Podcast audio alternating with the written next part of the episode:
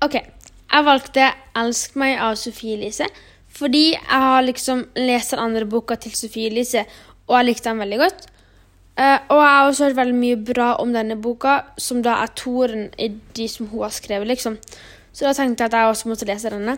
Og jeg vet liksom at vi egentlig ikke fikk lov til å lese selvbiografier, men altså uh, Nå som vi likevel skulle uh, lese en bok tenkte jeg liksom at det gikk fint likevel. fordi at denne boka har jeg faktisk lyst til å lese. Og hvis jeg ikke hadde liksom lånt den, så hadde jeg sikkert kjøpt den uansett. Ok, ja. Hovedpersonen er Sofie Lise, og to andre viktige bipersoner er han og Fetisha. Vi ble kjent med han på en samling inne på en bar. Etter det har de møttes ofte. Fetisha er bestevenn og hjelper med det som trengs. Hun er også en god støttekontakt.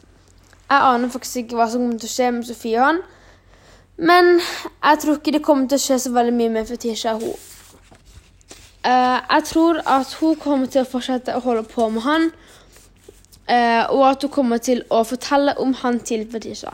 For det har hun gjort ennå.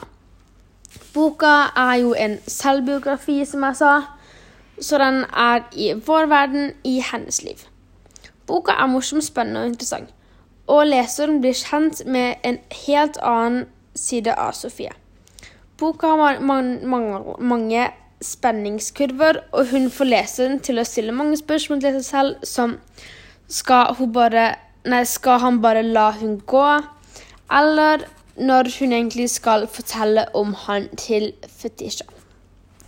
Det jeg har kommet til nå, som jeg syns har vært det mest spennende, var når hun forlot baden, og så hørte hun liksom langt bak Eller hun hørte liksom bak seg at han ropte navnet på og så snudde hun seg, og så var han der, og så